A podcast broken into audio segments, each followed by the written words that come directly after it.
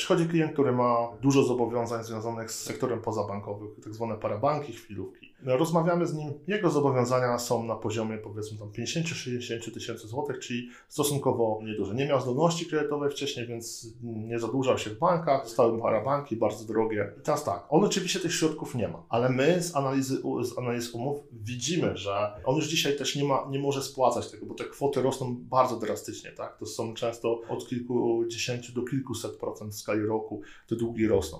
Więc on już dzisiaj jest bardzo zestresowany, że non-stop y, pojawiają się wierzyciele, pojawiają się windykatorzy, windykatorzy terenowi, pojawiają się telefony. Jest tak też dlatego, bo trafił jakby w najgorsze możliwe miejsce, czyli tam każdy walczy o, o tego dłużnika, żeby być zaspokojonym jak najszybciej, no bo co do zasady te firmy udzielają kredytów osobom, które mają gorszy scoring, czy mają gorszą zdolność kredytową, ale jest ta sytuacja, w której klient ma kilkadziesiąt tysięcy zobowiązań właśnie w takich umowach. I co w tym przypadku robimy? On na chwilę obecną nie ma takich kwot, żeby spłacić je jednorazowo, ale ma pracę, tak, w miarę dobrze zarabia, chce po prostu wyplątać się z tych długów. I teraz, czy dla niego, czy, czy w tej sytuacji powinniśmy robić upadłość konsumencką? No ktoś by powiedział, tak, no facet się z tego nie wyplącze, jego długi rosną, za chwilę wejdą komornicy, zajmą mu pensję, zostanie z najniższą krajową, no kurczę, ciężka sytuacja.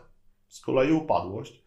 No w tym wypadku upadłość to jest coś, co y, raz potrwa, dwa plan spłaty. Y, no też nie do końca dobre rozwiązanie, ale być może lepsze. A jest jeszcze trzecie. Wiemy, że w tych umowach są nadużycia, wiemy, że wiele, wielokrotnie były tam refinansowania, przygotowujemy się do tych procesów, czyli składamy reklamację, piszemy do rzecznika. W międzyczasie te umowy są wypowiadane, czyli mówimy klientowi, nie już nic, tak? My przeanalizowaliśmy umowy. W tej sytuacji działamy w ten sposób, że będziemy z nimi walczyć sądownie, bo wiemy, że w tej sytuacji możemy znacznie obniżyć Twoje zobowiązania albo je zniwelować do zera. I okazuje się w efekcie, że w jakich sprawach klient ma odpłaty, w jakich sprawach ma roszczenia, tak, właśnie wynikające z zawyżonych kosztów tego kredytu, z refinansowań, nie zwróconych prowizji przez właśnie te parabanki, więc pojawia się jakaś pula środków, którą klient później dysponuje do spłaty. Część zobowiązań, część procesów kończy się oddaleniem w całości, część jest zasądzona. Wiadomo, nie wszystkie procesy mm, mamy dość wysoką skuteczność, bo między 70 a 80%, ale nie wszystkie procesy udaje się wygrywać, więc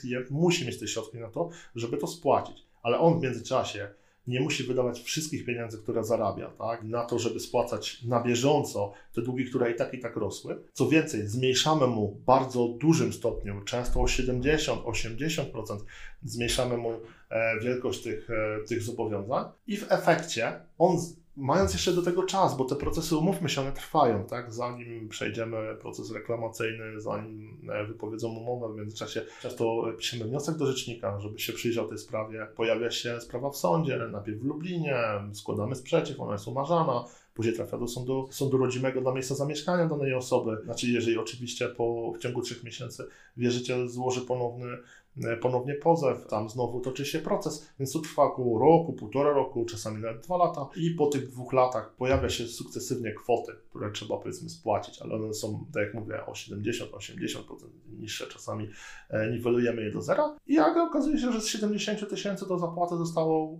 kilka czy kilkanaście tysięcy złotych, które klient spokojnie, wiedząc od nas, kiedy musi te środki akumulować, my też, ja też często tłumaczę, załóż sobie konto, do którego nie masz dostępu, odkładaj tam te środki, niech one tam będą, po pierwsze dają Ci bezpieczeństwo, że w razie czego, nie wiem, zepsuje Ci samochód, którym nie możesz dojrzeć do pracy, to nie jest tak, że musisz iść do firmy chwilówkowej i wziąć kredyt tak? Tylko masz te środki, one są dostępne, a po drugie spokojnie masz to bezpieczeństwo i wiesz, co się będzie działo.